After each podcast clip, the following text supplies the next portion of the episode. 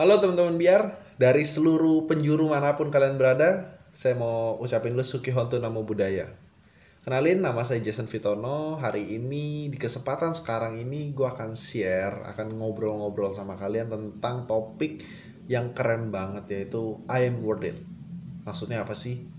Ya banyak banget ya sekarang bicara tentang gak kepercayaan diri, tentang value diri, tentang gimana aku bersikap ya ketemu orang tua, ketemu teman-teman, ketemu sahabat-sahabat yang di mana sekarang dunianya udah digital semua. Mungkin orang-orang akan punya tolak ukur seperti selebgram, seperti orang-orang yang muncul di internet itu. Banyak banget yang muncul di internet dan bahkan menjadi persepsi sendiri dan tolak ukur tersendiri. Nah, buat anak-anak muda gimana ya? Nah, aku mau share sedikit. Jadi Jason backgroundnya adalah seorang atlet teman-teman. Terus Jason juga seorang pebisnis entrepreneur juga. Dan Jason juga dulu aktif di Buddhist Reborn itu cukup lama sekitar 5-6 tahun. Waktu zaman SMA sampai masa kuliah ya waktu itu.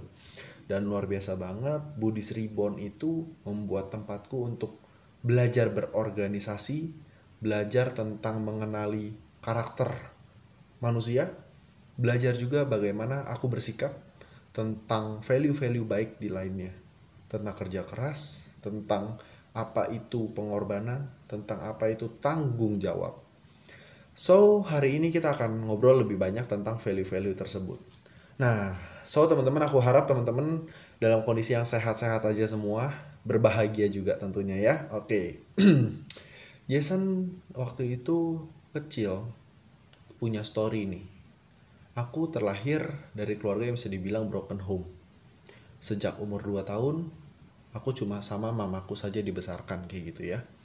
Papa sudah left, sudah meninggal atau lebih tepatnya meninggalkan kami dari umur 2 tahun dan mama membesarkan sampai hari ini ya bersama mama gitu.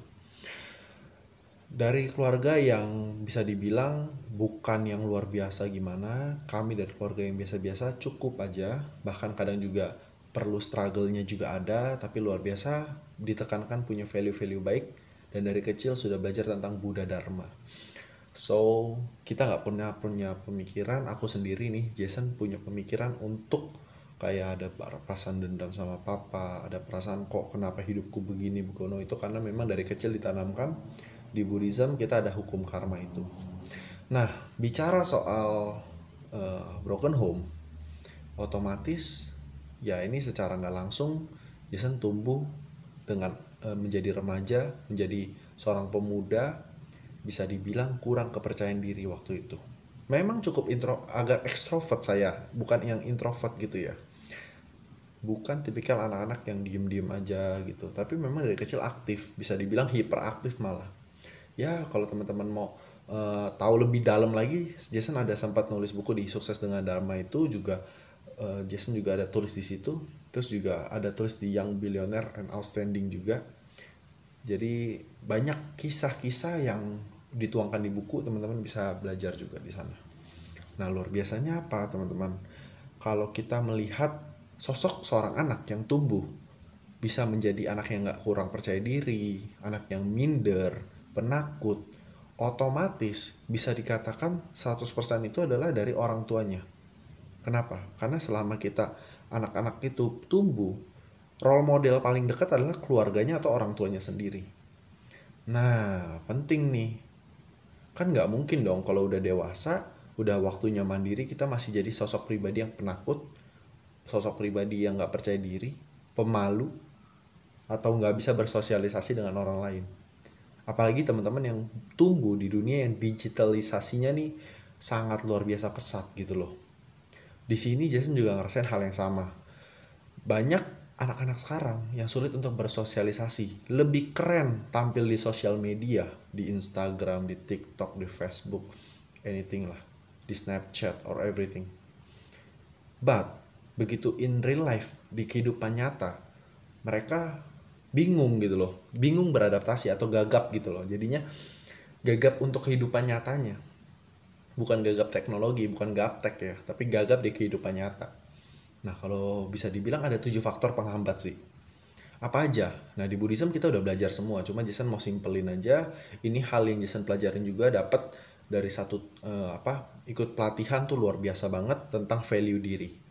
Yang pertama yaitu tentang bicara tentang pikiran kedua bicara tentang perasaan ketiga persepsi keempat masa lalu kelima hoax atau gosip keenam bicara fisik ketujuh victim story oke kita bahas satu-satu ya So teman-teman, tujuh hal penghambat ini apa? Satu pikiran. Of course, pikiran adalah pelopor menurut kita punya guru agung kita, Buddha Gotama. Betul banget. Kalau kita sudah punya pikiran negatif terhadap diri kita sendiri, saya nggak bisa, saya nggak mampu, saya nggak, pokoknya serba nggak bisa, serba nggak mampu, serba nggak layak. Ya otomatis apa pun yang teman-teman lakukan akan jadi kelihatannya nggak berguna, nggak ada gunanya. Kalau kita selalu menanamkan pikiran-pikiran itu setiap harinya, ya otomatis lah kehidupan kita ya akan menjadi apa pun yang kita pikirkan. Ingat ya, pikiran adalah pelopor. Apa pun yang kita tanamkan di pikiran kita setiap hari, itu akan terjadi. So, fokuskan pikiran kita dengan apa yang kita mau. Gitu. Kedua, perasaan. Ada perasaan gak layak, ada perasaan takut, perasaan malu. Itu muncul kenapa? karena berhubungan dengan citra diri teman-teman atau gambaran diri konsep diri kita kita begitu punya konsep dirinya nggak bagus ya otomatis ya Jason dulu di atlet juga sama wah gimana ya biar jadi atlet yang profesional yang berprestasi? Ada perasaan gak layak di situ ada perasaan takut? Ya otomatis dengan cara kita terus melakukan terus beradaptasi terus improvisasi terus melakukan yang terbaik lama-lama perasaan tersebut bisa hilang. Tapi perlu latihan dan penting lingkungan teman-teman. Penting punya kalian amita atau sahabat-sahabat sejati yang di mana bisa mendukung impian teman-teman gitu loh. Kalau perasaan kita benar kita bawaannya happy enjoy tenang. That's your place. Di situlah tempat teman-teman. Carilah tempat teman-teman yang punya perasaan tersebut. Calm happy joy. Nah ketiga persepsi. Wah ini sih kacau banget. Persepsi itu udah otomatis nggak bener gitu loh. Persepsi orang lain melihat diri kita aku berpakaian gini ntar orang nilainya gimana? Aku ngomong ini ntar orang nilainya gimana? Aku posting ini di Instagram ntar orang nilainya gimana? Ya kan? Wow luar biasa ya pikiran manusia. Persepsi ini juga luar biasa. Karena makan persepsi ini orang bisa sampai minder ketakutan. Apalagi cewek-cewek ini ya khususnya ya. Waduh alisku mencong dikit persepsi orang gimana gitu loh. Harus perfect. Tampil perfect baru aku berani keluar kalau aku nggak make up aku nggak mau keluar. Ada loh yang kayak gitu. Kok cowok gimana? Ya persepsi saat dia melakukan sesuatu. Pekerjaannya aktivitasnya banyak hal. Jadi penting banget kita menjaga persepsi. Maksudnya gimana? Otomatis persepsi itu kan nggak benar bukan realitanya. Ya kita sadari itu dulu. Kalau memang hal tersebut persepsi itu yang dibuat orang lain bukanlah realitanya kita. Itu dulu. Berani lakukan itu. Nah terus ada juga masa lalu teman-teman. Waduh ini sih lebih ini lagi ya terkokong apa ibaratnya terpenjara atas masa lalu kita. Dulunya Jason kayak Jason dulunya broken home. Mana mana bisa punya kehidupan yang sukses? Mana bisa punya kehidupan yang bahagia? So teman-teman perlu berpikir ini kejadian itu adalah netral. Apa pun itu netral. Begitu kita kasih makna positif ataupun negatif di situ baru ada maknanya. Sama kayak masa lalu kita. Di masa lalu kita udah nggak bisa ubah teman-teman. Buddha sendiri ngomong, mana yang paling jauh sih? Yang paling jauh adalah kemarin, hari kemarin. Terus mana yang paling ibaratnya eh, nggak jelas abu-abu, yaitu hari esok karena kita nggak tahu besok masih ada atau enggak dan hadiahnya adalah hari ini the present. Makanya bahasa Inggrisnya present hadiah. So today is the gift untuk melakukan hal-hal yang terbaik buat teman-teman. Hargai gitu loh hari ini.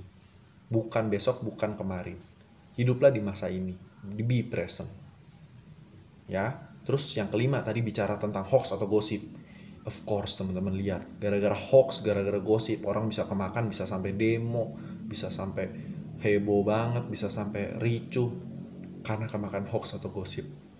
Ya sekarang apalagi sosmed gampang banget teman-teman dapat informasi mau positif mau negatif. Ada yang lagi zamannya uh, tren ini tren ono semua jadi ikut-ikut. Yaitu teman-teman perlu pilih-pilih juga di sosmed. Hoax dan gosip. Please teman-teman kalau sudah terima namanya hoax atau gosip atau informasi yang teman-teman belum pastikan ini benar jangan diterusin. Stop di teman-teman aja dan buang delete itu ya jadi kita perlu bijaksana nih teman-teman, memakai kita punya kebijaksanaan. Buddhism sendiri mengajarkan meditation, mengajarkan kesadaran untuk memiliki menimbulkan kebijaksanaan. Nah, yang keenam fisik nih teman-teman. Bicara soal fisik, di mana kadang kita ngerasa, waduh aku terlalu kecil nggak bisa ngelakuin ini, aku terlalu gede nggak bisa ngelakuin ini, aku terlalu gendut, aku terlalu kurus, aku kurang cantik, kurang tinggi dan aku terlalu pendek. Ya banyak lah persepsi atas fisik kita yang menyebabkan kita nggak bisa melakukan apa hal-hal yang seharusnya kita lakukan. Gitu loh. Contoh teman-teman pengen nih jadi atlet basket. Ya bentuklah fisik teman-teman latih lah karena pikiran dan fisik itu bisa dilatih teman-teman.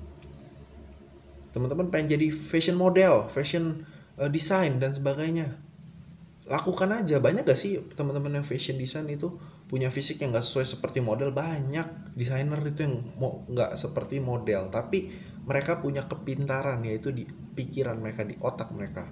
Dan mereka punya keberanian. Keberanian untuk melakukan. Keberanian untuk melangkah. Itu yang dipentingin teman-teman. Nah yang ketujuh bicara soal victim story. Sering banget kita merasa diri kita menjadi korban merasa diri kita tidak berdaya membutuhkan sosok untuk bisa menjadi lebih berdaya menjadi lebih powerful no teman-teman it's all inside you. Semuanya tergantung di diri teman-teman masing-masing, di dalam diri teman-teman, bukan dari luar. Dan kalau kita terus membawa victim story, terus menjadi korban, ya selamanya teman-teman akan selalu menjadi korban. Ingat yang pikiran tadi dikasih makan terus hal-hal yang positif, negatif ya akan menjadi sesuai yang kita tanemin setiap harinya. Nah, tujuh hal tadi itu sangat berpengaruh banget. Ujung-ujungnya apa? Ya soal citra diri, teman-teman kalau kita mau merasa layak, kita mau merasa diri kita luar biasa, tentukan dulu. Orang lain bolehlah bilang kita nggak layak, kita nggak ini, terserah mereka. Itu mulut mereka, kita nggak bisa kontrol. Kita cuma punya dua tangan. Dua tangan ini cuma bisa tutup dua telinga kita. Kita tutup aja telinga kita. Dan fokus atas membangun diri teman-teman. Membangun citra diri yang benar atas diri teman-teman. Teman-teman adalah orang yang tanggung jawab, penuh cinta. Teman-teman orang yang Eh, pemberani, orang yang penuh kasih. Bangun itu teman-teman, bangun value-value itu. Dan terus ingatkan ke diri teman-teman setiap harinya untuk meningkatkan citra diri teman-teman. Gitu. Orang yang bisa dipercaya, orang yang sanggup menyelesaikan apa yang diberikan tugasnya. Itu yang perlu ditanamin teman-teman. Fokuskan setiap hari hal-hal yang kita mau dipikiran, diucapan, dan ditindakan dan latih terus meditasi untuk melatih awareness kita atau kesadaran kita itu penting. Nah, jadi kesimpulannya apa teman-teman dari podcast hari ini? Kesimpulannya adalah you are worth it, teman-teman. Sekali lagi, Jason bilang you are worth it. Jason pun masih latihan hari ini, masih berlatih dan Jason mau mengajak teman-teman semua di Buddhist Reborn, teman Our Friend semua untuk sama-sama yuk kita latihan. Bukan berarti lebih hebat siapa lebih ini enggak. Tujuannya di Buddhism bukan itu tapi untuk melatih diri menjadi lebih baik. Kalau teman-teman sehari aja progres nih satu persen. Setahun udah jadi 365 persen peningkatan teman-teman. Lakukan progres-progres kecil setiap harinya kembangkan cinta kasih setiap harinya bukan uh, satu waktu begitu ke panti baru kegiatan sosial baru enggak enggak gitu tapi setiap harinya dari mulai ke orang tua, belajar senyum teman-teman, belajar untuk ramah sama orang tua kita. Itu aja.